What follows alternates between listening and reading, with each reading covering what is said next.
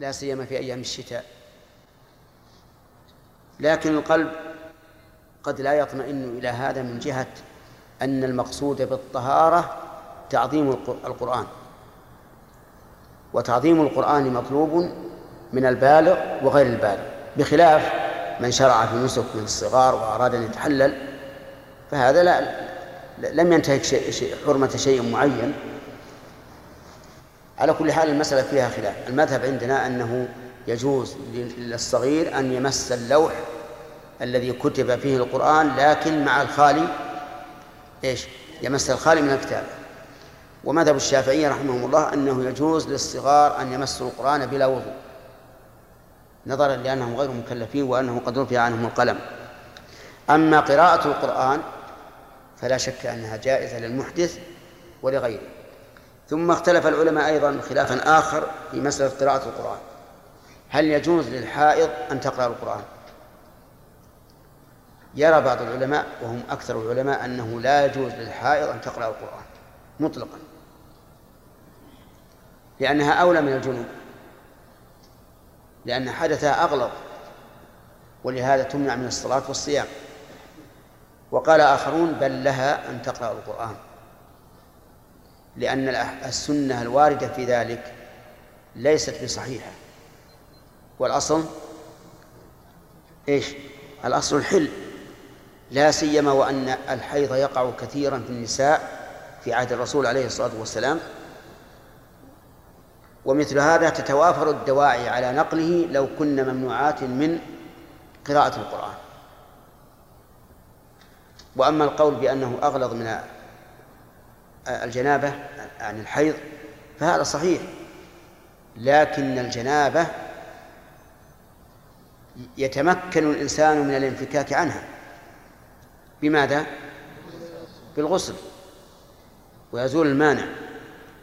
أما الحيض فلا يمكن الانفكاك عنه إلا إلا بالطهر.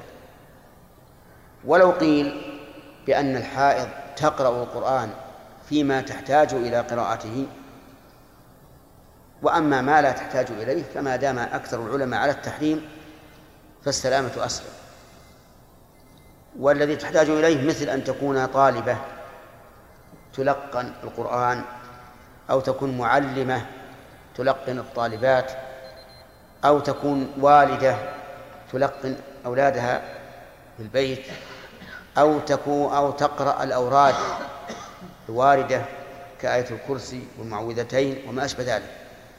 فالمهم أنه يجوز لها أن تقرأ القرآن للحاجة أو المصلحة وأما مع عدم الحاجة والمصلحة فالسلامة أسلم. لو قيل بهذا لكان له وجه ولا يعد هذا خلاف الإجماع. لأن العلماء منهم المجيز مطلقة ومنهم المانع مطلقة فإذا فصلنا لم نكن خرجنا على الإجماع. وهذا يسلكه يعني هذا الطريق. يسلكه شيخ الإسلام أحيانا. ثم يقول وهذا بعض قول من يوجبه مطلقا أو يحرمه مطلقا. مثاله قال رحمه الله إن الوتر واجب على من له ورد من الليل. على من له ورد من الليل دون من ليس له ورد. والعلماء مختلفون في الوتر. بعضهم أوجبه مطلقا وبعضهم أوجبه لم يوجبه مطلقا. فقال هو يجب على من له ورد من الليل أي قيام في الليل يجب عليه أن يوتر. ولا يجب على من ليس له ورد من الليل. و وقال بعد بعد ذلك وهذا بعض قول من يوجبه مطلقا. فنحن نقول الآن المرأة الحائض إذا احتاجت إلى قراءة القرآن أو كان هناك مصلحة فلتقرأ وإلا فالسلامة أسلم. نعم. شيخ أحسن أحسن الله إليكم. بالنسبة للجنوب حديث لا أذكر الصحابي الحديث لكن فيها أن النبي صلى الله عليه وسلم سئل يقرأ الجنوب شيئا من القرآن؟ فقال لا ولا آية. نعم. الحديث هذا يا شيخ أظن الشيخ عبد العزيز بن باز قال إسناده صحيح. هي لا هو مختلفين فيه العلماء. هو هذا الحديث مختلفين حتى فيه. هذا حتى هذا. إي نعم. نعم سليم. يرد علينا حديث الرسول صلى الله عليه وسلم من هريره ومن قال سبحان الله ان المسلم ان المؤمن لا يلمس وهذه عائشه رضي الله عنها وارضاها قول ان الله ان الرسول يغفر الله على كل على كل حال. وش الاشكال؟ يسال المؤمن ان المؤمن قاتل في كل احيانه. إي نعم. ولكن يعني ان الانسان يحتاج لقراءه القران معلوم. نعم نقول اقرأ القرآن ولو على غير وضوء ما في إشكال لكن مس المصحف غير قراءة القرآن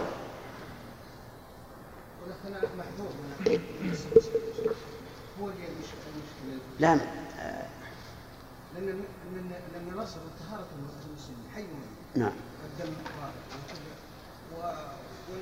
والمحذور من هو لا ما في ما في إشكال. نقول هذا تعظيما لكتاب الله عز وجل. ولهذا لو فرضنا الإنسان يده متنجسة وهو على وضوء هل يجوز يمس المصحف؟ ما يجوز هذا ما, ما في إشكال. نعم. شيخ كبير هل يجوز أن يمس الحواشي والجلد؟ لا. المنهي عنه المصحف القرآن كتابه ما دام متصل به فهو منه. الدليل. هو هذا هذا المصحف. المصحف الكتاب لا ما هو الكتابة الكتابة ما تكون إلا في ورق. والحواشي نوعين الكتابة من الورق؟ تابع له. والجلد الأخضر خارجي. والجلد الأخضر إلا إذا صار منفصل. في في الجراب الجراب هذا ما في بأس. أما نفس نفس المخروز مع مع الورق فله حكم ورق. القاعدة يا شيخ؟ نعم. يثبت تبعا ما لا يثبت استقبالا. الوقت انتهى. انتهى. الحين في تفسير يا شيخ يا شيخ يصير نعم. في تفاسير يصير القرآن بالنصف في الوسط نعم. وحواشي التفسير تصير على أطراف. هذا هذا يكون تفسير الجلالين. سم. أقول تفسير الجلالين هذا. تفسير الجلالين؟ تفسير الجلالين أو تفسير اللي يسمون تفسير ابن عباس. نعم. وهنا إذا قارنا بين القرآن وما كتب معه وجدنا أن القرآن أكثر فيكون الحكم للأكثر أما لو كان تفسير الجلالين بدون قرآن. فقد قالوا إن تفسير الجلالين أكثر من القرآن وعلى هذا فيجوز مسه بلا, بلا وضوء جزاكم الله يا شيخ كان واثر الصحابه وش هو؟ هو الأخ عمر يقول بس شد الرحل له وش يقول؟ مم. اقرأ يا خالد بسم الله الرحمن الرحيم بسم الله فكان فكان كل ثابت الإيمان منشرح الصدر به يرحل إليها ثم بعد ذلك في كل وقت إلى زماننا لزيارة قبر النبي صلى الله عليه وسلم والتبرك بمشاهده وآثاره وآثار الصحابة الكرام فلا يأتيها إلا مؤمن. هذا كلام القاضي والله أعلم بالصواب. التبرك بمشاهدته لا بعد ها؟ نعم. وآثاره قبل يا شيخ إنه بعد أن توفي الرسول وبعد الصحابة والتابعين. المهم نقول إذا وجدتم محملا حسنا لكلام العلماء فاحملوه عليه. فيه فمعنى التبرك بآثاره ربما يقصد أن الإنسان مثلا يزور قباء يزور الأحد يزور البقيع وهذا عمل صالح فيه بركة. لأن الآثار ما هي موجودة الآن. يعني آثار الصحابة في عهد القاضي عياض ما هي موجودة. قد اندرست. أقول يا شيخ للفائدة أحسن الله إليكم. أخونا يوسف القاضي درس كتاب الشفاء للقاضي عياض في رسالة الماجستير. نعم. دراسة كاملة يعني وبحث في كل الكلام اللي يتكلم فيه القاضي في كتاب الشفاء والشمائل نعم. عن النبي عليه الصلاة والسلام. لكنها لم تخرج حتى الآن. لم إيش؟ لم تخرج الرسالة حتى الآن إيه. لأنها لم تناقش بعد. على كل حال ال- ال- لا شك أن القاضي عياض من الناس الذين يعني يتبركون. حتى آه، نقلوا عن عن القاضي عياض في مسألة القبر وكذلك عن ابن عقيل. أن القبر الكعبة أفضل منه. وأما والنبي صلى الله عليه وسلم فيه فإنه لا لا يعدله شيء. أفضل حتى من الكعبة. أي أي نعم. قال فلا والله ولا العرش وحملته ولا الكعبة.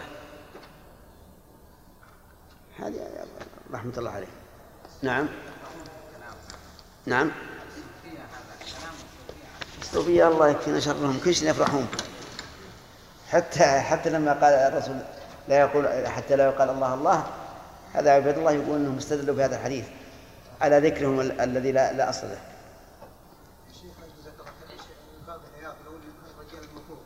عالم المفروض عند الناس مقبول ولكن لو حسن يفتح للناس ما بالشك رحمة الله عليهم. نعم. بسم الله الرحمن الرحيم الحمد لله رب العالمين والصلاة والسلام على نبينا محمد وعلى آله وصحبه أجمعين قال الإمام البخاري رحمه الله تعالى في كتاب الوضوء من صحيحه في باب قراءة القرآن بعد الحدث وغيره حدثنا إسماعيل قال حدثني مالك عن مخرمة بن سليمان عن قريب مولى بن عباس أن عبد الله بن عباس أخبره أنه بات ليلة عند ميمونة زوج النبي صلى الله عليه وسلم وهي خالته فاضطجعت في عرض الوسادة واضطجع رسول الله صلى الله عليه وسلم وأهله في طولها فنام رسول الله صلى الله عليه وسلم حتى إذا انتصف الليل أو قبله بقليل أو بعده بقليل استيقظ رسول الله صلى الله عليه وسلم. فجلس يمسح النوم عن وجهه بيده ثم قرأ العشر الآيات الخواتم من سورة آل عمران ثم قام إلى شن معلقة فتوضأ منها فأحسن وضوءه ثم قام يصلي. قال ابن عباس فقمت فصنعت مثل ما صنع ثم ذهبت فقمت إلى جنبه فوضع يده اليمنى على رأسي.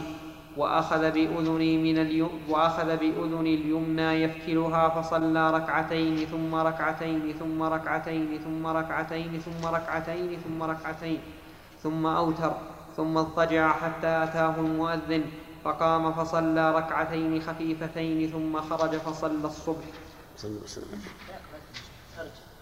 نعم. في آثار في في في ترجمة؟ باب قراءة القرآن بعد الحدث وغيره تكلمنا عليه. وقال منصور عن إبراهيم لا بأس بالقراءة في الحمام. إبراهيم النخعي من فقهاء التابعين رحمه الله لكنه كما قال شيخ الإسلام عنه إنه في الحديث ليس بذاك لكنه في الفقه جيد. لا بأس بالقراءة في الحمام. يعني لا بأس أن يقرأ الإنسان في الحمام وهذا في القلب منه شيء.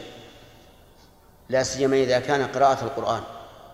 أما قراءة غير القرآن فلا ينبغي أن يقرأ أيضا لأن كونه يقرأ يستلزم أن يبقى في الحمام طويلا. ولهذا يذكر أن بعض الناس حينما صنعت هذه المراحيض الإفرنجية صار إذا دخل الخلاء أخذ معه الصحيفة أو الجريدة ثم جلس على الكرسي وقام يقرأ. هذا متى يخرج من الحمام. نعم. وهذا غلط. ولهذا ينبغي للإنسان أن لا يبقى في الحمام إلا بمقدار الحاجة فقط ويخرج. قال ولا بأس أيضا بكتب الرسالة على غير الوضوء. وإنما ذكر كتابة الرسالة على غير الوضوء لأنه سيكون فيها بسم الله الرحمن الرحيم وهي من القرآن. ومعلوم أن القرآن لا يمسه إلا طاهر لكن ما كتب على الورق مما ولم يقصد به القرآن فإنه لا ليس له حكم القرآن. ولهذا نقول إن الجنوب لو قرأ آية من القرآن لا يريد القراءة وإنما يريد الدعاء فلا بأس أو يريد الثناء فلا بأس. فلو قال الجنوب حين فرغ من أكله مثلا الحمد لله رب العالمين. يريد بذلك الثناء على الله فلا حرج عليه. ولو قال ربنا لا تزغ قلوبنا بعد إذ هديتنا وهب لنا من لدنك رحمة إنك أنت الوهاب. يريد بذلك الدعاء فلا بأس. وقال حماد عن إبراهيم إن كان عليهم إزار فسلم وإلا فلا تسلم. يعني في الحمام إذا مررت بقوم وعليهم أزر فسلم. وإن كانوا ليس عليهم أزر فلا تسلم ولكن لا يمكن أن يكون أن لا يكون عليهم أزر إلا وهم في داخل الحمام بينك وبينهم جدار. لكن قد تسمع صوتهم أو تحريك الماء. فالمهم أنه يقول سلم ولو في الحمام.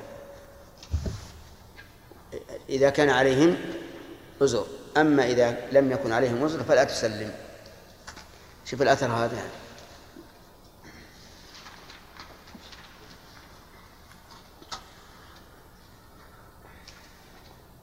قوله وقال حماد هو ابن أبي سليمان فقيه الكوفة عن إبراهيم النخعي إن كان عليهم أي على من في الحمام إزار المراد به الجنس أي على كل منهم إزار وأثره هذا وصله الثوري في جامعه عنه والنهي عن السلام عليهم إما إهانة لهم لكونهم على بدعة أو لك وإما لكونه يستدعي منهم الرد والتلفظ بالسلام والتلفظ بالسلام فيه ذكر الله لأن السلام من أسمائه وأن لفظ سلام عليكم من القرآن والمتعري عن الإزار مشابه لمن هو في الخلاء وبهذا التقرير يتوجه ذكر هذا الأثر في هذه الترجمة.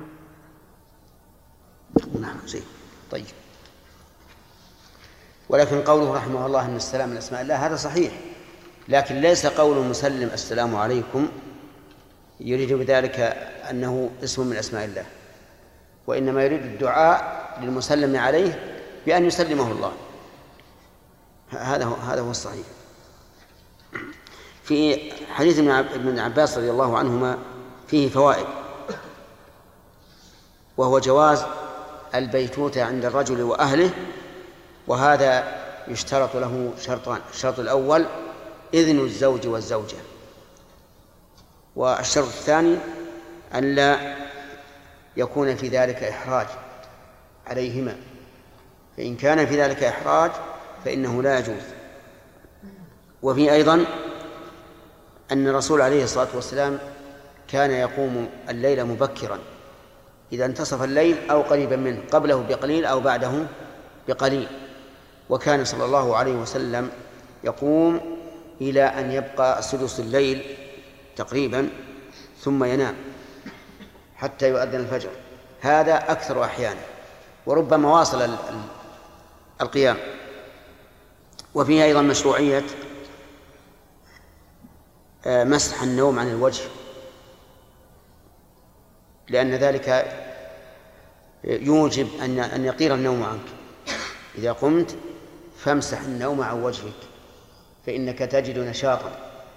وفي مشروعية قراءة العشر آيات الخواتم من سورة آل عمران من قوله تعالى إن في خلق السماوات والأرض واختلاف الليل والنهار لآيات لأولي الألباب.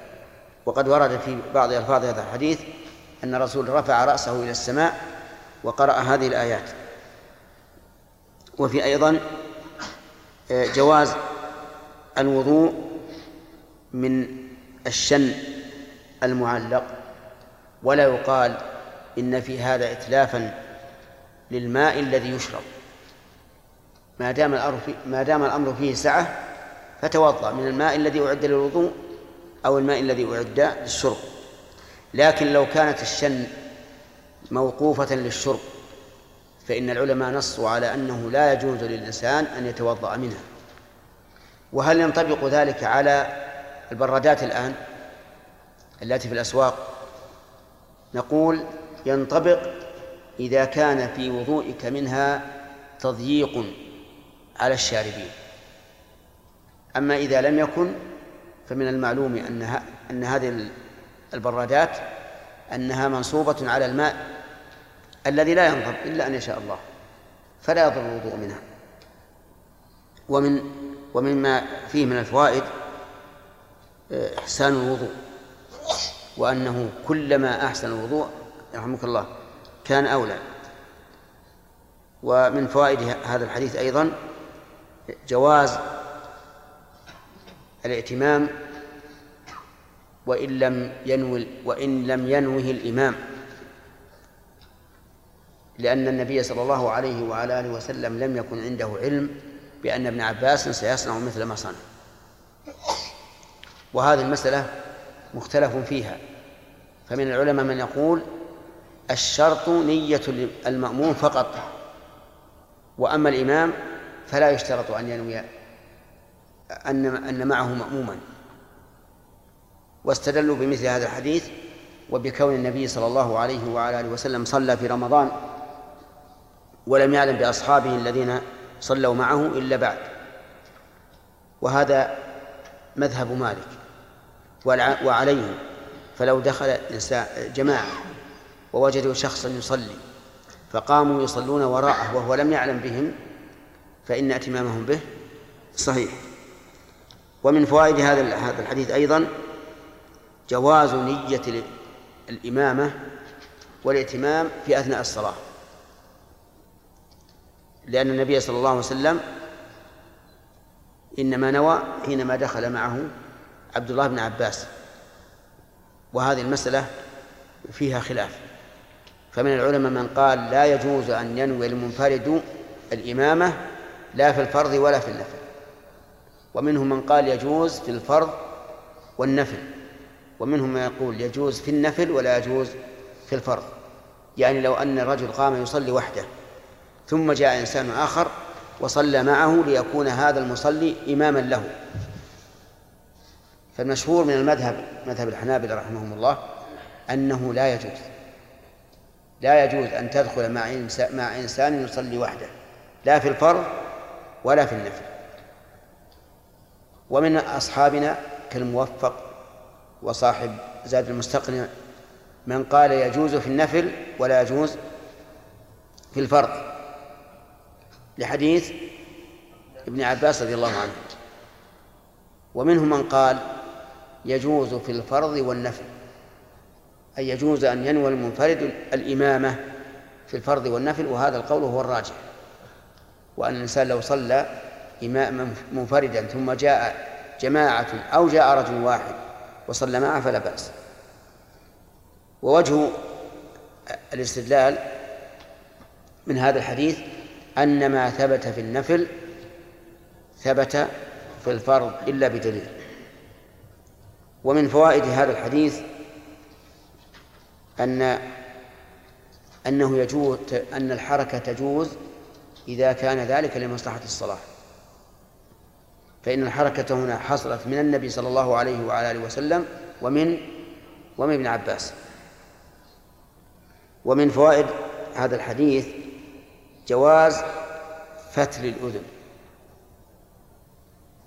وما معنى فتلها تدويرها هكذا. نعم. لكن يشترط ألا يكون في ذلك أذية على من فتلت أذنه. والفتل ليس هو المصل المصل الذي يجرها. فإن جرها لا شك أنه ضرر. بعض الناس الآن يفعل بأولاده بالصفيان يفعل هذا يعني يمصع الأذن. وهذا غلط. لأن ربما تتبتر العروق وهو لا يعلم. أما فتلها فالأمر سهل لا سيما إذا كان في شحمة الأذن فإنه يسير. ومن فوائد هذا الحديث آه، أن صلاة الليل ركعتين ركعتين. يقول صلى ركعتين ثم ركعتين ثم ركعتين ثم ركعتين ثم ركعتين ثم ركعتين ثم ركعتين ثم أوتر. كم صارت؟ ثلاثة عشر. فإذا أوتر بثلاثة عشر فإنه يصلي ركعتين ركعتين. فإذا قال قائل المشهور عند العلماء أن أكثر الوتر إحدى عشرة ركعة. فالجواب أن يقال إما أن هذا غير مسلم وأن أكثر الوتر إما ثلاث عشرة وإما إحدى عشرة. أو يقال إن الركعتين الأوليين هما الركعتان اللتان يفتتح بهما النبي صلى الله عليه وعلى آله وسلم صلاة الليل وهما ركعتان خفيفتان. ولهذا ينبغي للإنسان أن يفتتح صلاة الليل بركعتين خفيفتين لأن النبي صلى الله عليه وسلم كان يفعل ذلك وأمر به أيضا. والحكمة من ذلك أن الشيطان يعقد على قافة الإنسان إذا نام ثلاث عقد. تنحل العقدة الأولى بذكر الله إذا استيقظ والثانية بالوضوء والثالثة بالصلاة. ومن ثم كان المشروع في هذه الصلاة أن يخففها حتى تنحل العقد بسرعة. وفيه أيضا قول ثم اضطجع حتى أتاه المؤذن دليل على أن النوم لا ينقض الوضوء. لأنه لم يذكر أنه توضأ حين أتاه المؤذن بل قام فصلى ركعتين خفيفتين. ووجه الاستدلال بالحديث أن أن النبي صلى الله عليه وعلى آله وسلم أسوة أمته. فإذا لم يتوضأ من النوم فإنه ليس بلازم. ولكن هذا الاستدلال فيه نظر وغفلة. وذلك أن النبي صلى الله عليه وعلى آله وسلم كان تنام عيناه ولا ينام قلبه. ولهذا قال العلماء من خصائصه أن نومه لا ينقض الوضوء مطلقا سواء طال أم قصر. وعلى هذا فيبطل الاستدلال بهذا الحديث على أن النوم لا ينقض الوضوء. ومن فوائد هذا الحديث أنه أن أن الإمام ينبغي له أن يبقى في بيته إلى أن يحين وقت الصلاة وأن يصلي الراتبة في البيت لأن النبي صلى الله عليه وسلم لما جاء أتاه المؤذن قام فصلى ركعتين خفيفتين ثم خرج فصلى الصبح ومن فوائده تخفيف ركعتي الفجر حتى كانت أم المؤمنين عائشة رضي الله عنها تقول أقرأ بأم الكتاب من شدة تخفيفه. وهذا هو السنة أن يخفف ركعتي الفجر. وهل هناك سنة أخرى الأفضل فيها التخفيف؟ ركعتي الطواف. نعم. لا لا. وإذا دخل المسجد والإمام يخطب فإنه يصلي ركعتين خفيفتين الرابع قال بعض العلماء وإذا صلى سنة المغرب التي قبلها فإنه يصليها خفيفة. وذلك لأن الأحاديث وردت بأن النبي صلى الله عليه وعلى آله وسلم يصلي المغرب مبكرا وأمر أن نصلي قبل المغرب. قال صلوا قبل المغرب. فيلزم من ذلك أن تكون ركعتان خفيفتين نعم شيخ أحسن الله إليك. ما يؤخذ من الحديث فائدة طريفة في صفة النبي عليه الصلاة والسلام الخلقية وذلك أنه وضع يده اليمنى على رأس ابن عباس وهو على يساره. نعم. وهذا يلزم منه أن يد النبي عليه الصلاة والسلام كانت طويلة. إيش أنه؟ أن يده كانت طويلة. إيه لأنه وضع على رأسه. ما عندك بالشرح؟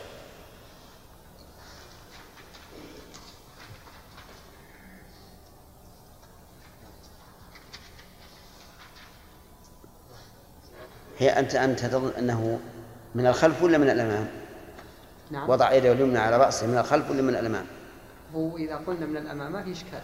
إن هذا سهل أن يقول به النبي عليه الصلاة والسلام هكذا ويضع إيه. يده على رأسه. لكن من الخلف هو ما جاء من في لفظ آخر أنه من الخلف نعم. آه، نب- نسأل. أنا والله أظن هذا على لفظ آخر. فأخذ برأسه من خلفه. أي من ورائي. أي من ورائي. ولهذا لعله والله أعلم وضع يده اليسرى. ولهذا نشوف الشرح. ما ما تعرض لها؟ كتاب الوتر ها؟ كتاب الوتر يأتي بكتاب الوتر إيش عند العيني؟ ها؟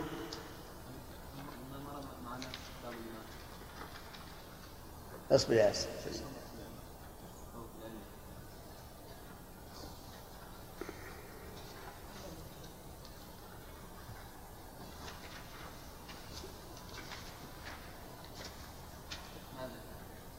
ماذا؟ طيب تراجع. تراجع هل, هل إن- إنه قال وضع يده اليسرى على راسه وإن بعض الرواة وهم؟ لأن وضع اليمنى إذا كان إن أتى من الأمام فكيف ياخذه يأخذ ابن عباس من من خل من ورائه؟ إن أتى من الأمام. وإن أتى من من الخلف ففيه مشقة شديدة وقد لا يتمكن الإنسان إلا إذا كان النبي عليه الصلاة والسلام له خاصيه في هذا وأن يديه تت يعني تتحرك كما يشاء فالله أعلم. نعم شرفي. بارك الله فيكم وهو الضابط في التخفيف ان يقطع على حد واحد تسبيحه واحدة لا أدنى الكمال ثلاث. ثلاث تسبيحات مثلا. نعم يا سليم. عندنا الاصل في الصلاه في الصلاه الامام والمسلمين في واللي قالوا لا يجوز انهم قالوا لا يجوز. اول الصلاة. ما بان لنا عرضت يعني. هم يقولون إن, إن الإمام يجب أن ينوي حاله من أول الصلاة. يعني ينوي أنه إمام. والمأموم يجب حال أن ينوي حاله من أول الصلاة. أي يجب أن يكون مأموما. فلو كان ذلك في أثناء الصلاة ما صح. كان عندنا قاعدة يا شيخ نمشي ينبني على الرسم. في صلاة الجماعة نصيبنا في الفرض. الجماعه صلاة الجماعة. نعم. ولا ولكن لمن لمن أنا جيت بعد هذا يصلي قبل قبل. نعم. لابد من من من ان ما صلينا كل واحد لحاله ولا صلينا ولا صلينا جماعة. لابد من من المذهب يقول نصلي كل واحد الحال ما نطيح ما إيه لا تطيع هذا هو الصحيح. الصحيح أنك ما تطيع. نعم. الصحيح أنك ما تطيع.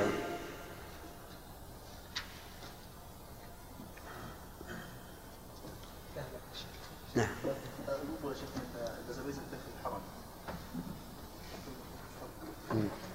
الظاهر لا بأس به لأن لأن الماء كثير ولا ينقص الشاربين شيئا.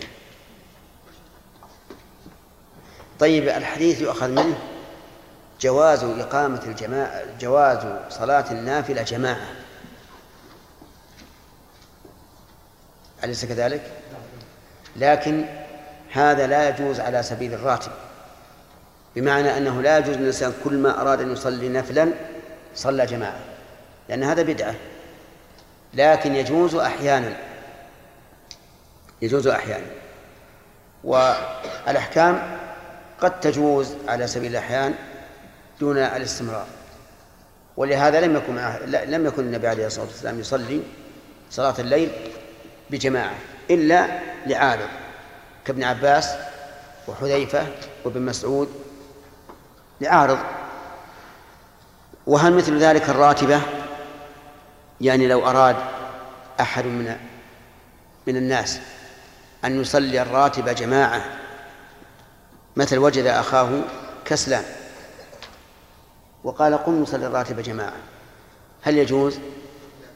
نعم يجوز لكن لا دائما أحيانا. والله أعلم.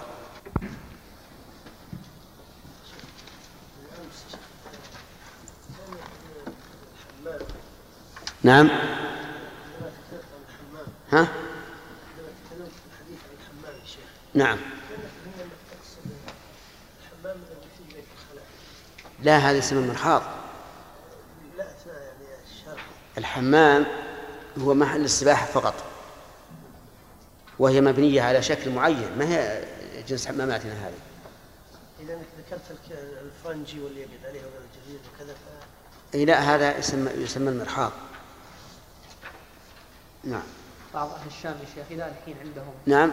أقول بعض أهل الشام إلى الحين عندهم المسبح والمرحاض كل واحد من حاله إيش كيف؟ حتى عندنا الآن في في بعض الأماكن الآن في حمامات المسجد فيه مسابح ما فيها مراحيض. نعم. بسم الله الرحمن الرحيم. الحمد لله رب العالمين وصلى الله وسلم على نبينا محمد وعلى آله وصحبه أجمعين. قال الإمام البخاري رحمه الله تعالى في كتاب الوضوء من صحيحه. باب من لم يتوضأ إلا من الغش المثقل. حدثنا إسماعيل قال حدثني مالك عن هشام بن عروة عن امرأته فاطمة عن جدتها أسماء بنت أبي بكر أنها قالت أتيت عائشة زوج النبي صلى الله عليه وسلم حين خسفت الشمس فإذا الناس قيام يصلون وإذا هي قائمة تصلي فقلت ما للناس؟ فأشارت بيدها نحو السماء وقالت سبحان الله. فقلت آية فأشارت فأشارت أي نعم فقمت حتى تجلاني الغشي وجعلت أصب فوق رأسي ماء فلما انصرف رسول الله صلى الله عليه وسلم حمد الله وأثنى عليه ثم قال ما من شيء كنت لم أره إلا قد رأيته في مقامي هذا حتى الجنة والنار.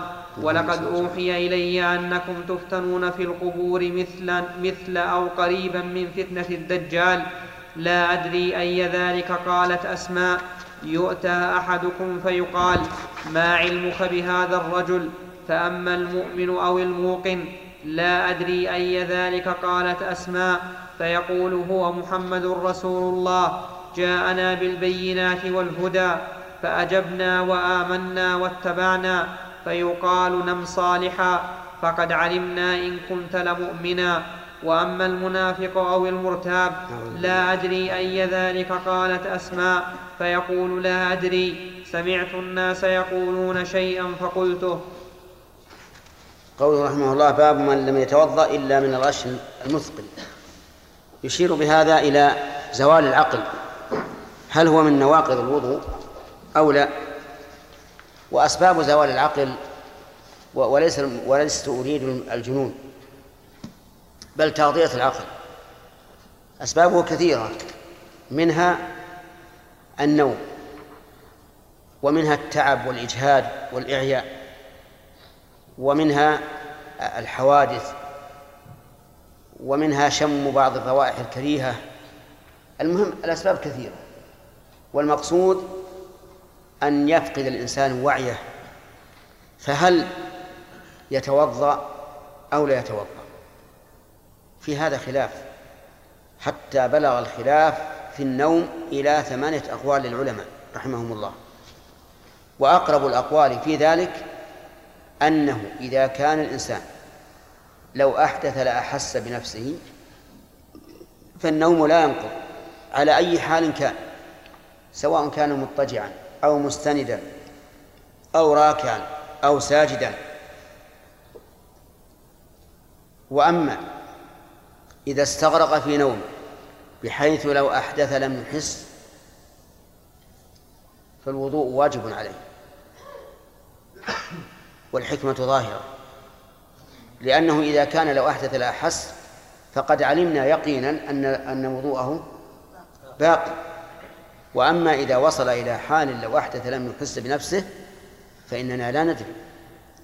والعين وكاء السهل فإذا نامت العينان استطلق الوكاء. هذا أقرب الأقوال في هذه المسألة. ولا تسأل هل هو قائم أو راكع أو ساجد أو مضطجع أو مستند. العبرة في الإدراك. متى فقد الإدراك وجب عليه الوضوء وإلا فلا. وعلى هذا فالغشي إن كان مثقلا فإنه يوجب الوضوء وإن لم يكن كذلك فإنه لا يوجب الوضوء. طيب فإذا قال قائل ألستم؟ آه نعم. أليس أبو هريرة رضي الله عنه فسر الحدث الذي قال فيه الرسول عليه الصلاة والسلام لا يقبل الله صلاة أحدكم إذا أحدث حتى يتوضأ؟ بأنه حدث السبيلين. قلنا بلى. لكن النوم الثقيل مظنة خروج الخارج. الخارج منين؟ من السبيلين. فنحن لن نتعدى الخارج من السبيلين. حتى إذا قلنا بوجوب نقض آه، بوجوب الوضوء من من النوم الثقيل. أما الحديث فيقول آه، آه، عن أسماء بنت أبي بكر رضي الله عنها وعن أبيها أنها قالت أتيت عائشة. وصلة أسماء بعائشة. إيش؟ أختها. زوج النبي صلى الله عليه وسلم حين خسفت الشمس فإذا الناس قيام يصلون. متى خسفت الشمس؟ خسفت الشمس في السنة العاشرة في شوال. في التاسع والعشرين منه. وأما من قال إنها في ربيع الأول في في منتصفه فهذا لا ليس بصحيح. لأنه لا يمكن أن تصف الشمس إلا في ليالي الاستسرار يعني اختفاء القمر وذلك في آخر الشهر. لو حدثك إنسان أن الشمس خسفت في اليوم العاشر فقل هذا كذب.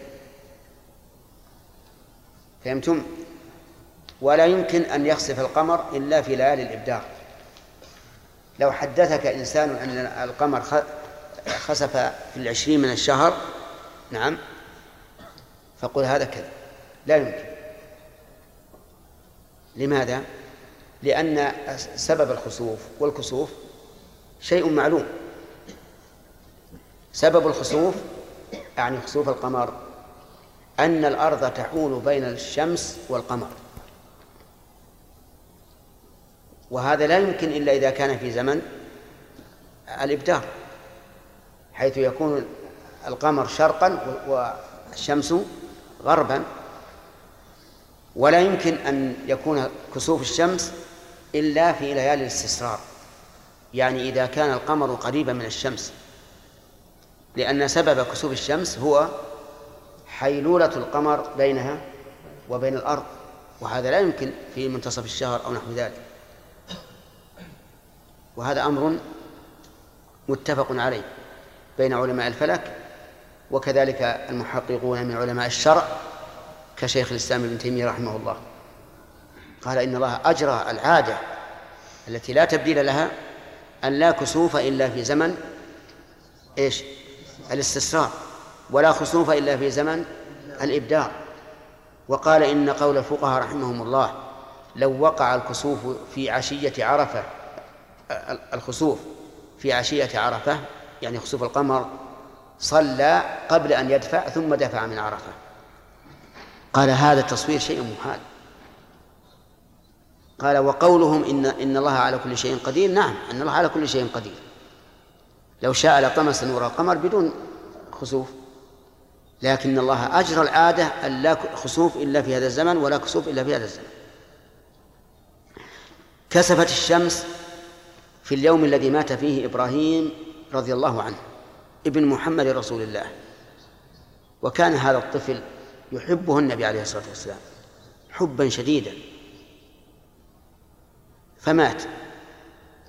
فحزن عليه الرسول عليه الصلاة والسلام. وجعلت تذرف عينه الدموع. وقلبه محزون. وقال العين تدمع والقلب يحزن. ولا نقول إلا ما يرضي الرب وإنا بفراقك أو قال على فراقك يا إبراهيم لمحزونون وأخبر صلى الله عليه وسلم أن له مرضعا في الجنة لأنه مات قبل الفطام. مات وله ستة عشر شهرا رضي الله عنه. فجعل الناس يتحدثون. يقولون كسفت الشمس لموت إبراهيم بناء على عقيدة جاهلية باطلة أن الشمس لا تكسف إلا إذا مات عظيم وكذلك القمر.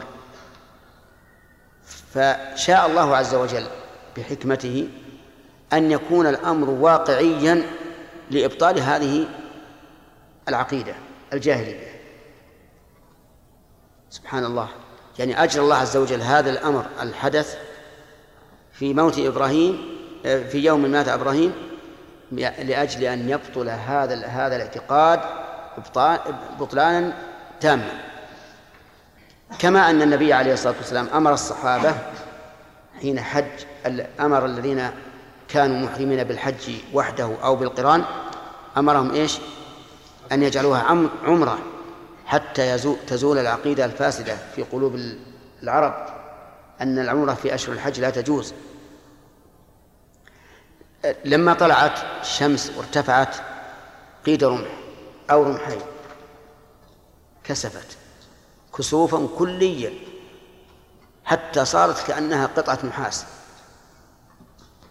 ولهذا قرأ النبي عليه الصلاة والسلام قراءة طويلة تدل على أن الكسوف دام ثلاث ساعات أو أكثر. ورعب الناس من هذا الكسوف الكلي. وأمر النبي صلى الله عليه وسلم أن ينادى الصلاة جامعة. فنودي بذلك فاجتمع الناس من رجال ونساء. مشهد عظيم. حتى النبي عليه الصلاة والسلام خرج من بيته يجر رداءه عليه الصلاة والسلام. بعد أن لحق به خرج من دون رداء ثم لحقوه به وجعل يجر رداءه فزعا. وأمر أن نفزع إلى ذكر الله وإلى دعائه وإلى التكبير وإلى الصدقة وإلى الصلاة وإلى العتق. كل هذا أمر به لأن أمر الكسوف ليس بالأمر الهين. ثم اجتمع الناس وجعل النبي صلى الله عليه وسلم يصلي بهم عليه الصلاة والسلام. وصلى صلاة طويلة طويلة على كبر سنه لأنه في سنة عشر من الهجرة. كم عمره؟ نعم. 62 وأشهر كم؟ 62 وأشهر يعني 63 اي نعم عمره 63 يعني حول فوق 62 قام في الناس يصلي صلاة طويلة طويلة طويلة حتى إن بعضهم عجز عن القيام وأصابه الغشي من طول القيام والنبي عليه الصلاة والسلام يصلي هذه الصلاة العظيمة التي هي آية في الشريعة لأنه لا يوجد لها نظير. لا يوجد لها نظير في الشريعة كما أن الكسوف لا يوجد له نظير في الأيام المعتادة. فهي آية شرعية لآية كونية. وهذه مناسبة عظيمة لو كنا نتعقل ونتفهم. لماذا عدل الرسول عن الصلاة العادية إلى هذه لأجل أن نعرف أنها آية لآية؟ فتقول صار يصلي بالناس. فجاءت أسماء فإذا الناس قيام يصلون وإذا هي قائمة تصلي يعني عائشة. فقلت ما للناس؟ فأشارت بيدها نحو السماء والظاهر والله أعلم أن أسماء أتت بعد أن بدأ التجلي أو أنها أتت قبل أن ينتهي الكسوف الكلي. لأنه إذا كان كسوفا كليا فلا بد أن يتبين ويظهر. يعني تكون الأرض كأن كأنك بالليل. أنا أدركت سنة من السنين عام 73 صار كسوف كلي كل مرة وصارت النجوم ترى في النهار وصار ظلمة. الناس بدأ أوقدوا المصابيح في البيوت لأنه صار ظلمة. نعم؟ فالله على كل شيء قدير. المهم الظاهر أنها أنها إما قبل أن يتم الكسوف أو أنه بعد أن بدأ يتجلى. فأشارت بيدها نحو السماء وقالت سبحان الله. جمعت بين القول والفعل. وسبحان الله كلمة لا تبطل الصلاة لأنها ذكر مشروع في الصلاة. ليست كلام آدميين. و فقلت آية فأشارت أي نعم. هذه إشارتان. الأولى للسماء والثانية أي نعم. كيف تجري؟ أي نعم. بهز الرأس. آه بهز الرأس. بهز الرأس. أي نعم. طيب. فقمت يعني قامت تصلي حتى تجلاني الغشي. تجلاني يعني صار مثل الجلال علي. يعني غشاها مرة. وجعلت أصب فوق رأسي ماء. مما حصل له من الغشي فلما انصرف رسول الله صلى الله عليه وسلم حمد الله وأثنى عليه ثم قال ما من إلى آخره. لما انصرف خطب وكان يبدأ خطبه بالحمد والثناء. الحمد وصف المحمود بالكمال والثناء تكرار هذا الوصف. ومن فسر الحمد بالثناء ففي تفسيره تساهل لأن الرسول عليه الصلاة والسلام قال إن الله قال قسمت الصلاة بيني وبين عبدي نصفين فإذا قال الحمد لله رب العالمين قال حمدني عبدي. وإذا قال الرحمن الرحيم قال إيش؟ أثنى علي عبدي. حمد الله وأثنى عليه. ثم قال نعم ويدل أيضا على أن الحمد غير أن أن الحمد غير الثناء. قوله حمد وأثنى والعطف يقتضي المغايرة. ثم قال ما من شيء كنت لم أره إلا قد رأيته في مقامي هذا حتى الجنة والنار. يعني ما من شيء لم أره مما أخبر الله عنه مما سيكون إلا رآه في مقامه هذا حتى الجنة والنار. رأى الجنة والنار رأي عين. ورأى في الجنة عنقودا فتقدم ليتناوله لكنه لم يفعل لم يتناوله. قال ولو تناولته لأكلتم منه ما بقيت الدنيا. ولكن الله عز وجل لم يرد أن يتناول منه شيئا. ورأى النار وفيها من يعذب. حتى أنه خاف أن يصيبه من لفعها فتأخر عليه الصلاة والسلام. تقهقر. رأى فيها عمرو بن لحي الخزاعي يجر قصبه في النار يعني أمعاءه لأنه هو أول من أدخل الشرك في العرب والسوائب. ورأى فيها امرأة تعذب في هرة حبستها. حتى ماتت. لا هي أطعمتها ولا أرسلتها تأكل من خشاش الأرض. ورأى فيها صاحب المحجن الذي يسرق الحجاج بمحجنه. رجل سروق لص يسرق الحاج بالمحجن. إذا مر مع من عند الحجاج من عند أمتعتهم شبكها في المحجن. إن تفطن له صاحب المتاع قال والله المحجن مسكها وإن لم يتفطن له مشى. حيلة لكنه يعذب في محجنه بالنار نسأل الله العافية. فرأى شيئا عجيبا. يقول في رواية أحمد لم أرى منظرا أفظع منه. لأنه رأى الجنة والنار والناس يعذبون فيها. صعبة. صعبة. ولهذا تأثر النبي عليه الصلاة والسلام تأثرا عظيما وقام وخطب خطبة عظيمة بليغة حتى قال إنكم سترون أمورا تنكرونها وتقولون هل ذكر لنا منها رسول الله صلى الله عليه وسلم شيئا؟ يقول ولقد أوحي إلي أنكم تفتنون في القبور مثل أو قريبا من فتنة الدجال. قريبا فيها نسختان قريبا وقريبا بدون تنوين. من فتنة الدجال لا أدري أي ذلك قالت أسماء. يعني هل قالت مثل فتنة الدجال أو قالت قريبا منها. فتنة الدجال مضرب المثل. لأنه ما ما بعد خلق آدم إلى قيام الساعة فتنة أشد من فتنة الدجال. ومن أراد أن يتبين له ذلك فليقرأ ما الأحاديث الواردة في ذلك. في القبور أيضا فتنة عظيمة. الإنسان ليس له إلا ساعات من أهله في الدنيا ينفرد بعمله ويأتيه ملكان لم يرهما من قبل ويجلسانه ويناقشانه. هذه فتنة عظيمة. نسأل الله لنا ولكم الثبات. فتنة عظيمة. من أشد ما يكون من الفتن. ويسألانه عن أمر مقره القلب.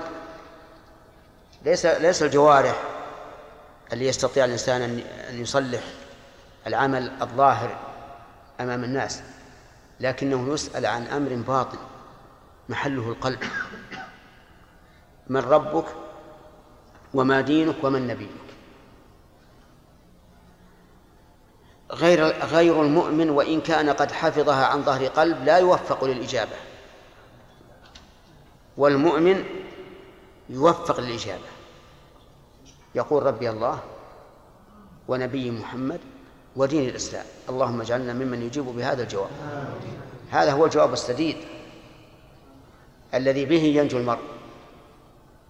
ويقول في الحديث ما علمك بهذا الرجل؟ يعني محمد صلى الله عليه وسلم. فأما المؤمن أو الموقن لا أدري أي ذلك قالت أسماء فيقول هو محمد رسول الله صلوات الله وسلامه عليه. جاءنا بالبينات والهدى.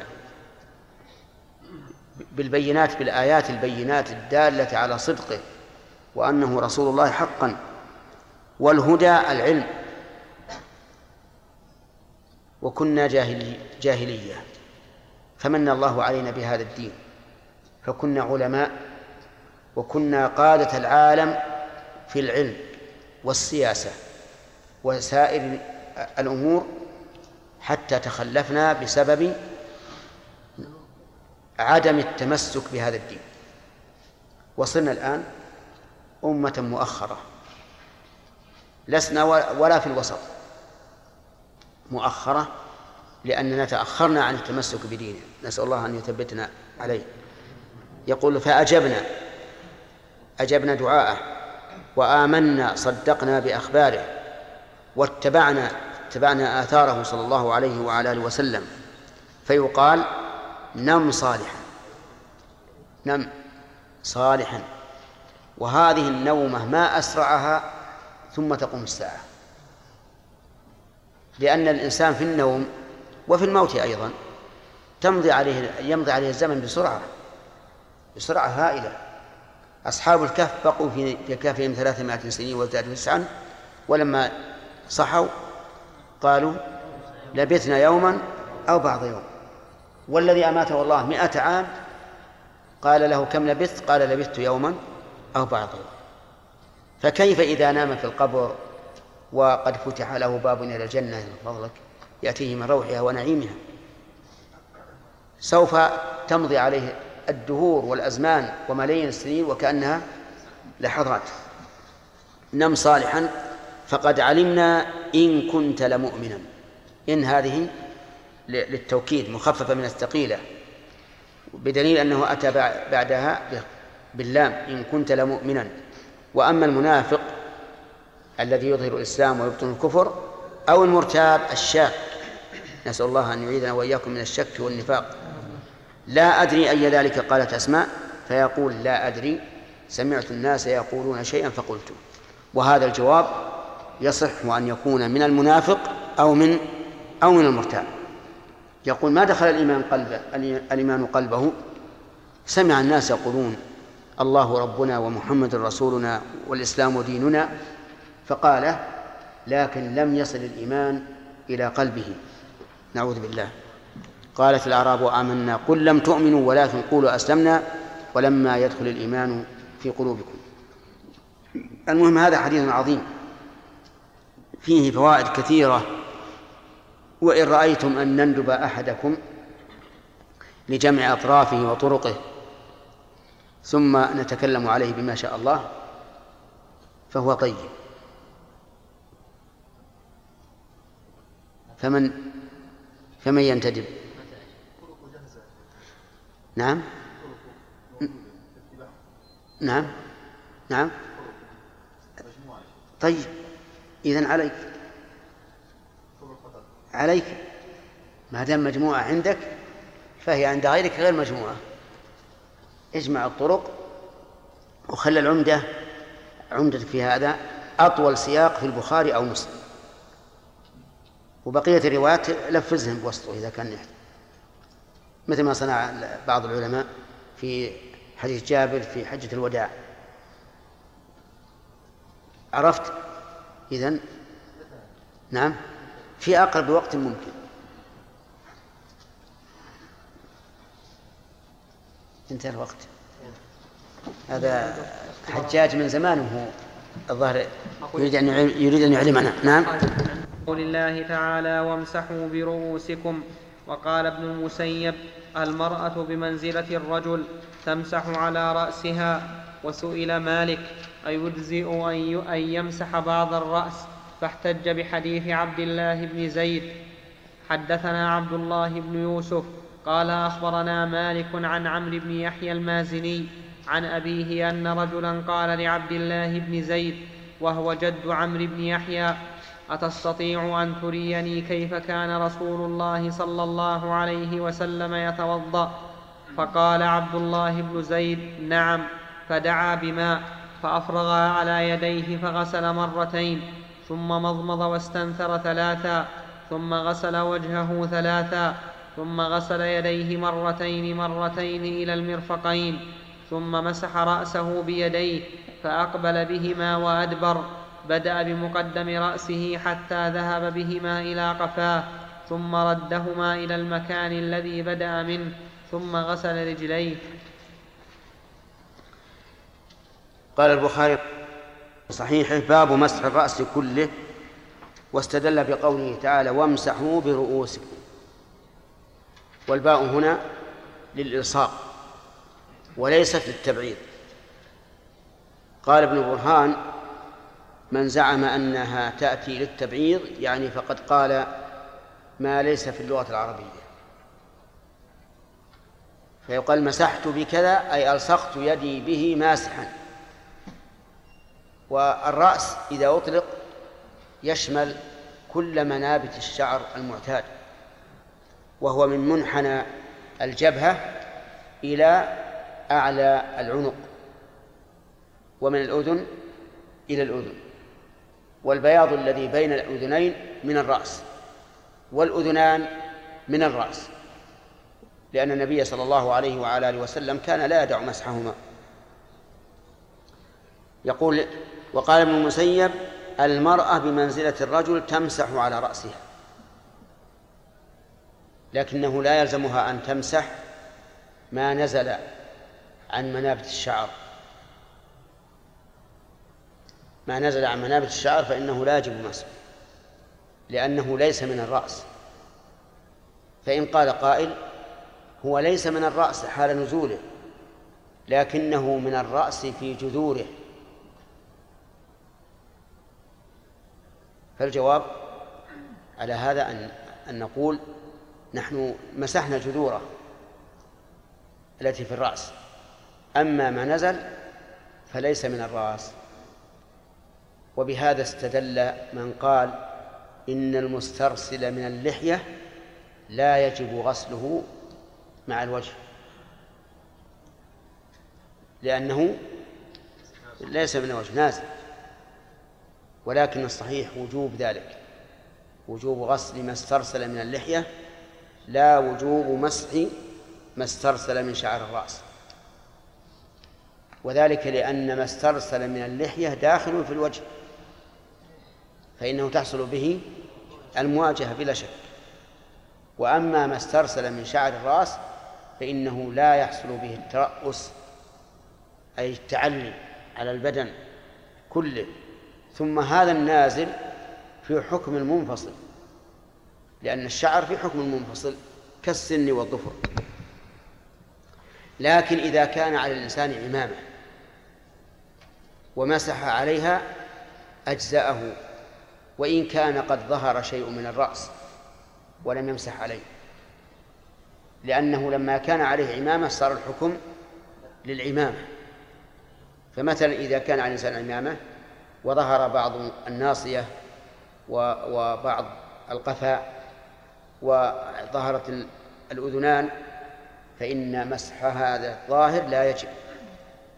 لكن قال العلماء يسن مسحه مع العمامة.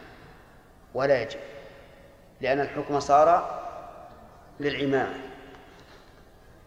ثم استدل رحمه الله بحديث عبد الله بن زيد وكذلك استدل به قبله الإمام مالك رحمه الله. وفيه ثم مسح رأسه بيديه وهو صريح بأنه مسح كل الرأس وأن الباء للإلصاق في الآية كما هي أيضا في الحديث. مسح رأسه بيديه وفي حديث عبد الله بن زيد بالطريق الذي ساقه المؤلف هنا في هذا الباب وكذلك بالطريق الذي بعده دليل على جواز اختلاف العدد في الوضوء الواحد. وذلك لأنه يقول إنه مضمض واستنثر ثلاثة. ثم غسل وجهه ثلاثا. ثم غسل يديه مرتين مرتين. ثم مسح نعم ثم مسح رأسه بيديه فأقبل بهما وأدبر. ثم غسل رجليه ولم يذكر عددا. فصار العدد بالتنازل. الوجه ثلاث واليدان اثنتان والرجلان مرة واحدة.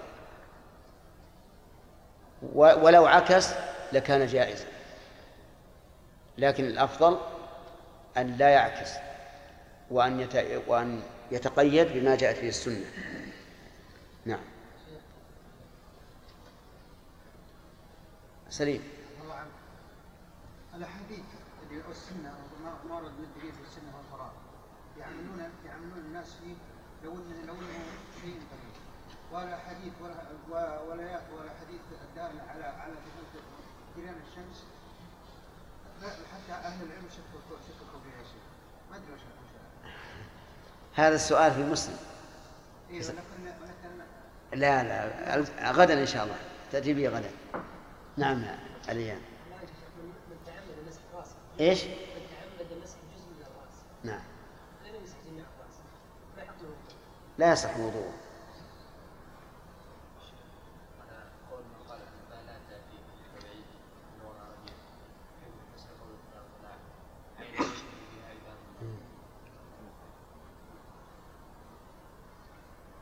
أفهمتم سؤاله؟ نعم. يقول إذا قلنا إن الباء لا تأتي للتبعيض فماذا نصنع بقوله تعالى عينا يشرب بها عباد الله؟ يشرب بها عباد الله. والجواب من أحد وجهين. إما أن نقول الباء بمعنى من كقوله تعالى يأكل مما تأكلون منه ويشرب مما تشربون يعني منه. وكقوله تعالى فشربوا منه إلا قليلا منه وتناوب الحروف أمر مشهور في اللغة العربية وهو الذي ذهب إليه الكوفيون لأن مذهب الكوفيين أسهل من مذهب البصريين. إذا ورد مثل هذا الإشكال قال الباب بمعنى منه مشى والقول الثاني أن الاستعارة في الفعل في الفعل وأن يشرب مضمن معنى يروى. فيكون في ذلك زيادة فائدة وهو أنهم يشربون شربا يروون به. والتضمين في الفعل تضمين الفعل لفعل آخر أيضا كثير في اللغة العربية. نعم. أخذنا ثلاثة. نعم. سؤال لكنه رد في غير محله. نعم. باب غسل الرجلين إلى الكعبين. حدثنا موسى قال حدثنا وهيب عن عمرو عن أبيه. شهدت عمرو بن أبي حسن. سأل عبد الله بن زيد عن وضوء عن عن وضوء النبي صلى الله عليه وسلم فدعا بثور من ماء. فتوضأ له وضوء النبي صلى الله عليه وسلم فأكفأ على يده من التور فغسل يديه ثلاثا ثم أدخل يده في التور فمضمض واستنشق واستنثر ثلاث غرفات ثم أدخل يده فغسل وجهه ثلاثا ثم غسل يديه مرتين إلى المرفقين ثم أدخل يده فمسح رأسه فأقبل بهما وأدبر مرة واحدة ثم غسل رجليه إلى الكعبين. هذا هذا كالأول إلا أن فيها أنه غسل الكفين ثلاثا والأول مرتين. غسل الكفين قبل غسل الوجه. وفيه أيضا دليل على دليل واضح أن الرجلين يغسلان إلى الكعبين. وهو كذلك في القرآن. ولكن هل الكعبان داخلان؟ الجواب نعم. وإن كان الأصل في اللغة العربية أن ما بعد الغاية غير داخل. لكن هنا دلت السنة على أن الكعبين داخلان في الأصل وكذلك يقال في المرفقين. وما هما الكعبان؟ الكعبان هما العظمان الناتئان في أسفل الساق. كذا يا محمد. نعم. وقيل إنهما العظمان الناتئان في ظهر الساق. وهذا وهذا القيل في ظهر القدم صح؟ في في ظهر القدم. وهذا القيل هو قول الشيعة الرافضة. وقد ذكر ابن كثير رحمه الله في تفسيره أن الرافضة خالفوا السنة في تطهير الرجل من ثلاثة وجوه. أولا أن منتهى الفرض عندهم هو الكعب الناتئ في ظهر القدم. والثاني أن الفرض هو المسح للغسل. والثالث أنهم لا يمسحون على الخفين.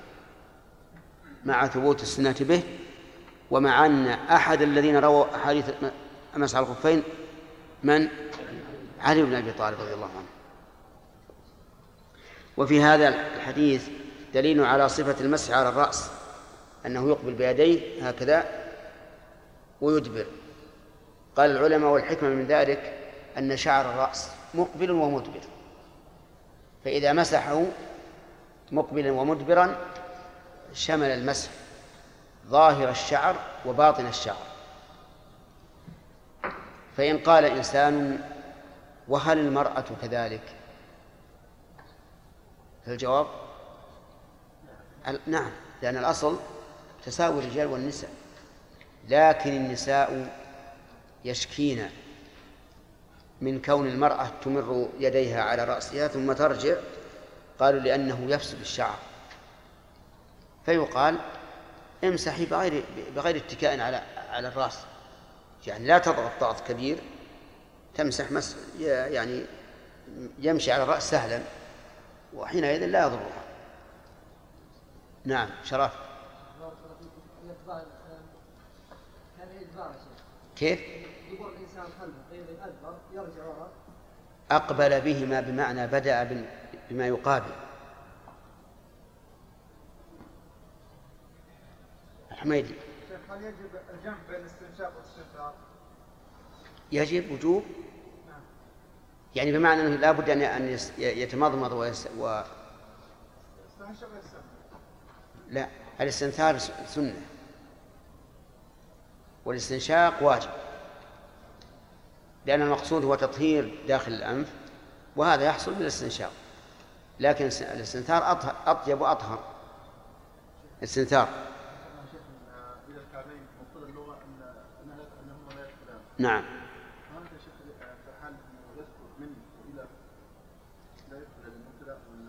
كيف؟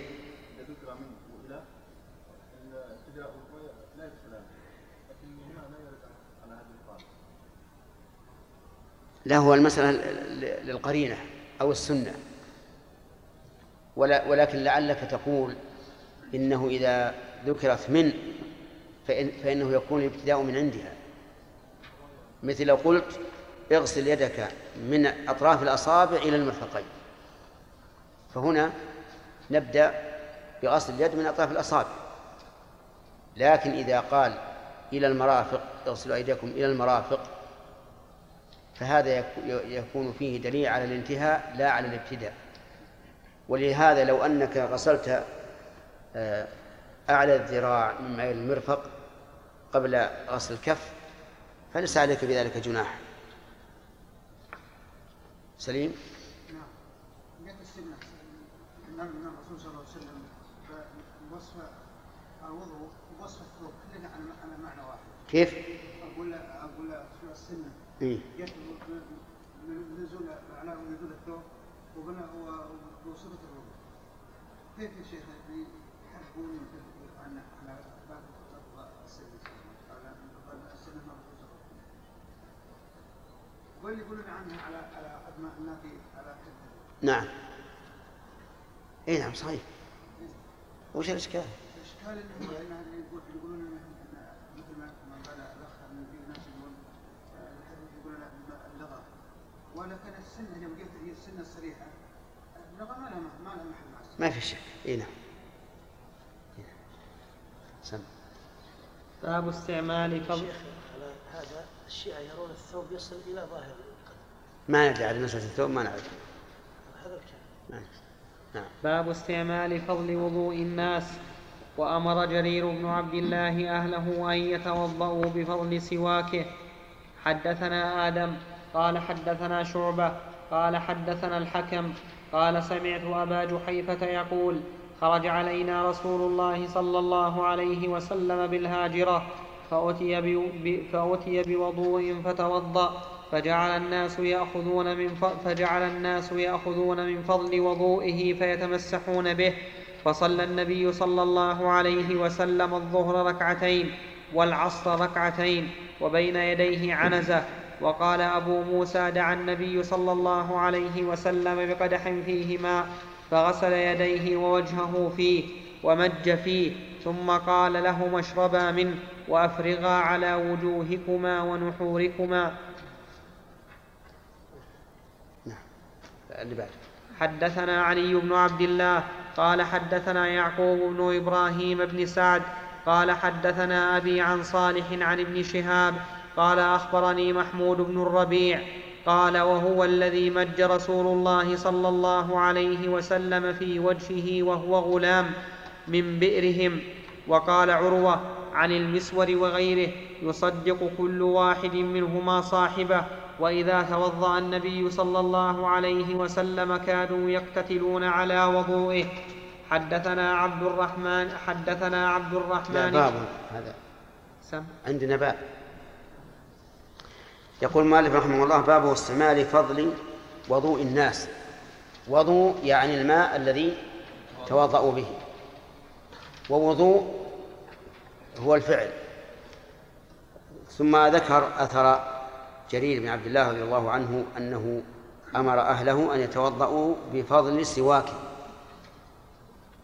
كأنه رضي الله عنه يغسل سواكه في, في الإناء وأمر أهله أن يتوضأوا بذلك. ثم ذكر حديث أبي جحيفة وفيه أن النبي صلى الله عليه وعلى آله وسلم توضأ من الماء الذي أتي به إليه فجعل الناس يأخذون من فضل وضوئه فيتمسحون به. والظاهر أن هذا على سبيل التبرك يتمسحون بفضل وضوئه وهذا كان في الأبطح في حجة الوداع. يقول فخرج النبي صلى الله عليه وسلم فصلى النبي صلى الله عليه وسلم الظهر ركعتين والعصر ركعتين وهو قد خرج بالهاجرة. والهاجرة شدة الحر فيستفاد من هذا الحديث فائدة وهي جواز الجمع للمسافر وإن كان نازلا لأن النبي صلى الله عليه وعلى آله وسلم كان نازلا. ويؤيد ذلك أنه جمع في تبوك وهو وهو نازل. ولهذا كان القول الراجح في هذه المسألة أن الجمع في السفر للنازل جائز لكن تركه أفضل. ولا ينبغي ولا ينبغي فعله إلا لحاجة. ما لم يجد به السير فإن جد به السير ف فإن الجمع أفضل. فيكون الجمع في السفر دائرا بين الأفضلية وبين الجواز. فإن كان السير قد جد في الإنسان فالأفضل أن يجمع إما تقديما وإما تأخيرا حسب المتيسر له. وإن لم يجد به السير فترك الجمع الأفضل إلا لحاجة ومن الحاجة أن يرى الإنسان أنه محتاج للراحة والنومة الطويلة. ومن الحاجة أن يكون الماء قليلا. فيحب أن يصلي بطهور بطهور ماء بطهور ماء فيجمع. المهم أن الجمع للنازل جائز وتركه أفضل والجمع للسائر أفضل من تركه.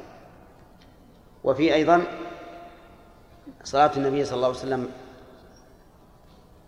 الرباعية قصرا وهو نازل. وهو كذلك. فإن المسافر يسن له أن يصلي الرباعية ركعتين. ولكن هل يتقيد ذلك بمدة أو لا؟ في هذا خلاف بين أهل العلم. يبلغ فوق العشرين قولا.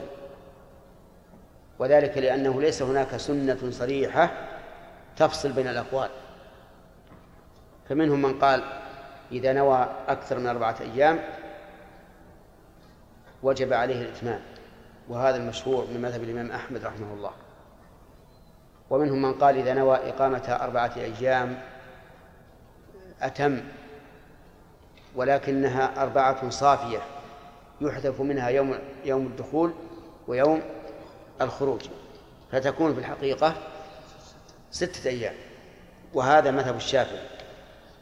ومنهم من قال إذا نوى إقامة خمسة عشر يوما وهذا مذهب أبي حنيفة رحمه الله.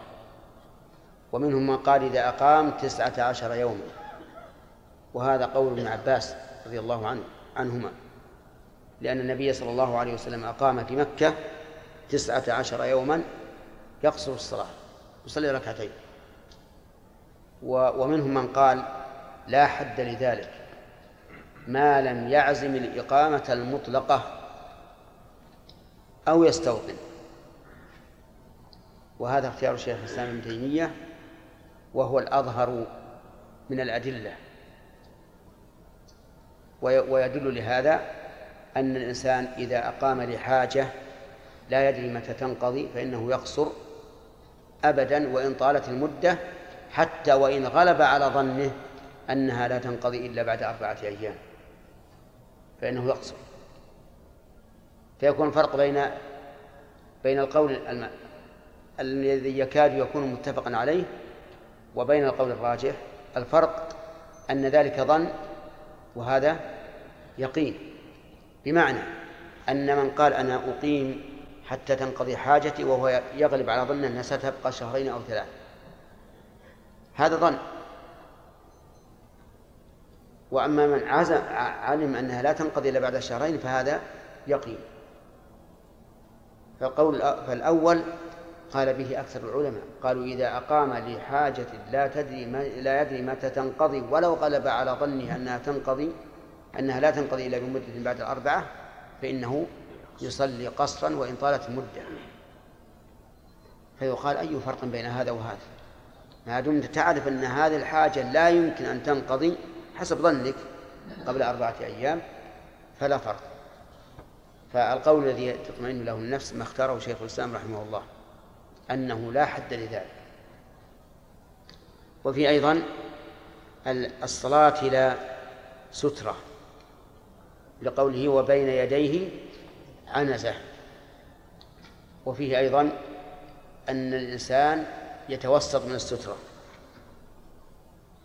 وقال بعض العلماء بل يجعلها على الجانب الأيسر أو الأيمن لئلا يصمد إليها صمدا. وفي ذلك حديث لكنه فيه لين. سنده ليس بذاك القوي.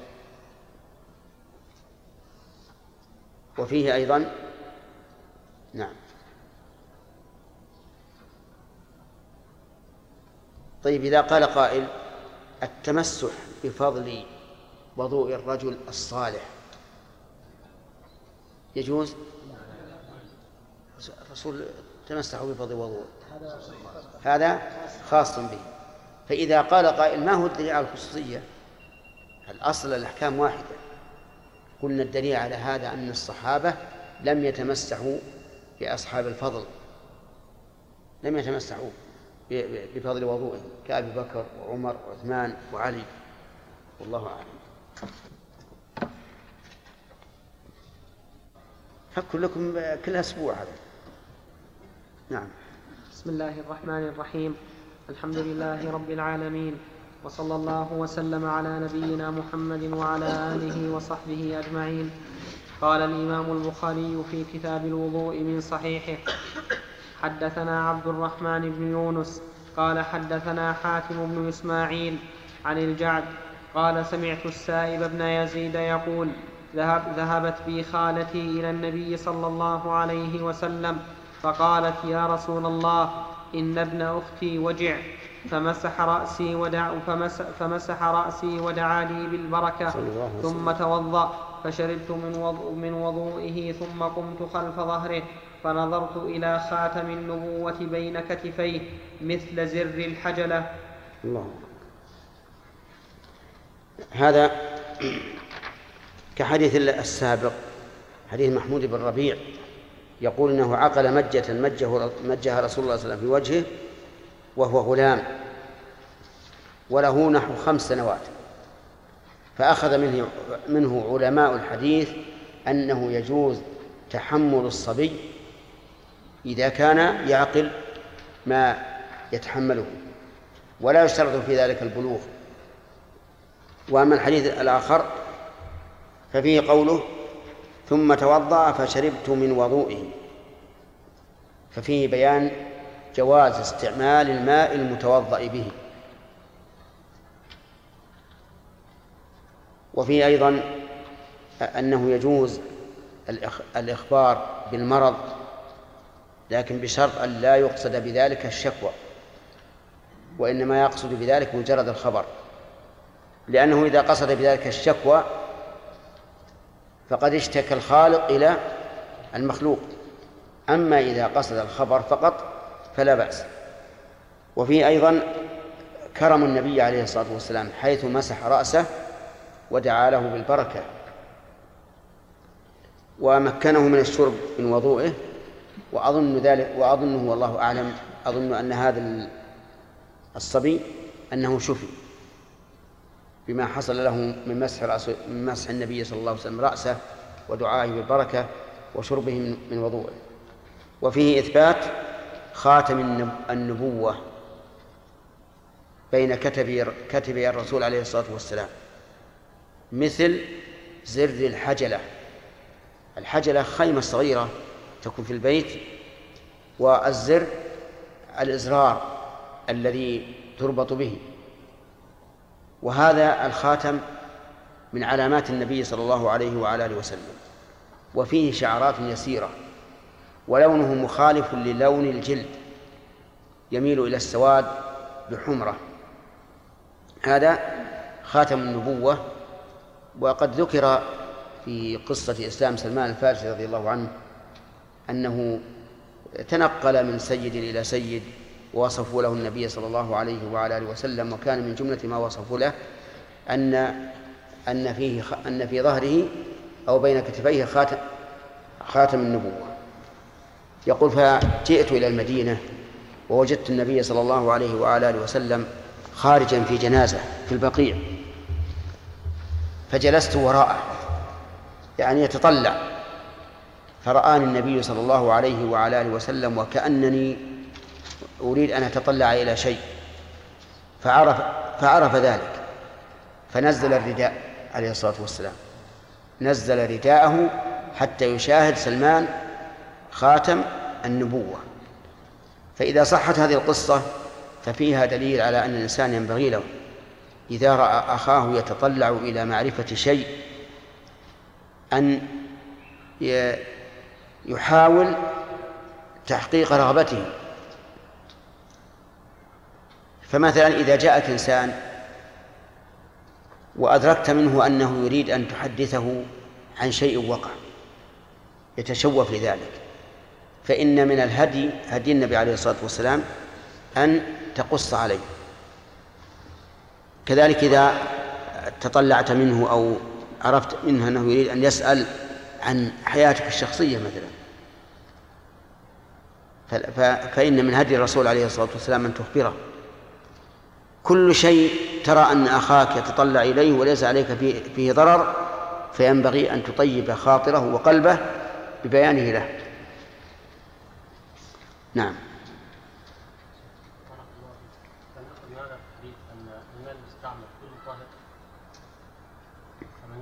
هو لا شك أنه طاهر. ولكن هل هو طهور أو لا؟ من العلماء من يقول إن المستعمل في طهارة واجبة طاهر غير مطهر لكن الصواب أنه طهور وأن الماء لا ينقسم إلا إلى قسمين اثنين فقط هما طهور ونجس فقط. إذ لا دليل على التقسيم الذي ذكره الفقهاء رحمهم الله بأنه طهور وطاهر ونجس وبعضهم يزيد ومشكوك فيه. فالصواب أن الماء إما نجس إن تغير بنجاسة وإما طهور إذا لم يتغير بنجاسة نعم. باب من مضمض واستنشق من غرفة واحدة. حدثنا مسدد. قال حدثنا خالد بن عبد الله. قال حدثنا عمرو بن يحيى عن أبيه عن عبد الله بن زيد أنه أفرغ من الإناء على يديه فغسلهما ثم غسل أو مضمض واستنشق من كف واحدة ففعل ذلك ثلاثا فغسل يديه إلى المرفقين مرتين مرتين ومسح برأسه ما أقبل وما أدبر وغسل رجليه إلى الكعبين ثم قال هكذا رسول الله صلى الله عليه وسلم. الشاهد من هذا الحديث قوله مضمض واستنشق من كف واحدة يعني كل الثلاث من كف واحدة وهذا قد يكون فيه صعوبة عظيمة. أن تأخذ بكف واحد وتمضمض وتستنشق ثلاث مرات. ولهذا ورد في بعض الصفات أنك تمضمض وتستنشق من كف واحد ثم تعيد كفا آخر.